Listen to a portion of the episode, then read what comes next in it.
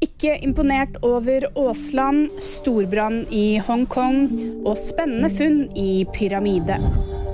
Olje- og energiminister Terje Aasland sa i dag unnskyld på vegne av regjeringen for menneskerettighetsbrudd mot samene på Fosen. Men aksjonistene de var ikke imponert. Han beklager gjentatte gang, men akkurat eh, det å anerkjenne at et pågående menneskerettighetsbrudd er fremdeles eh, utrolig vanskelig for han. Det brenner kraftig i en skyskraper i Hongkong, og ifølge lokale medier så er minst to personer fraktet til sykehus. Brannen skjer i en skyskraper som fortsatt er under konstruksjon, i det som skal være et av Hongkongs mest populære shoppingområder.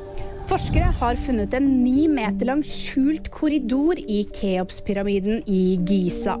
De tror at korridoren kan lede til nye funn i den over 4600 år gamle pyramiden. De fant korridoren ved hjelp av moderne skanneteknologi som de bruker for å finkjemme innsiden. Keopspyramiden er den eneste gjenværende av verdens syv underverker fra oldtiden. VG-nyhetene de fikk du av meg, Ida Aaberg Evensen.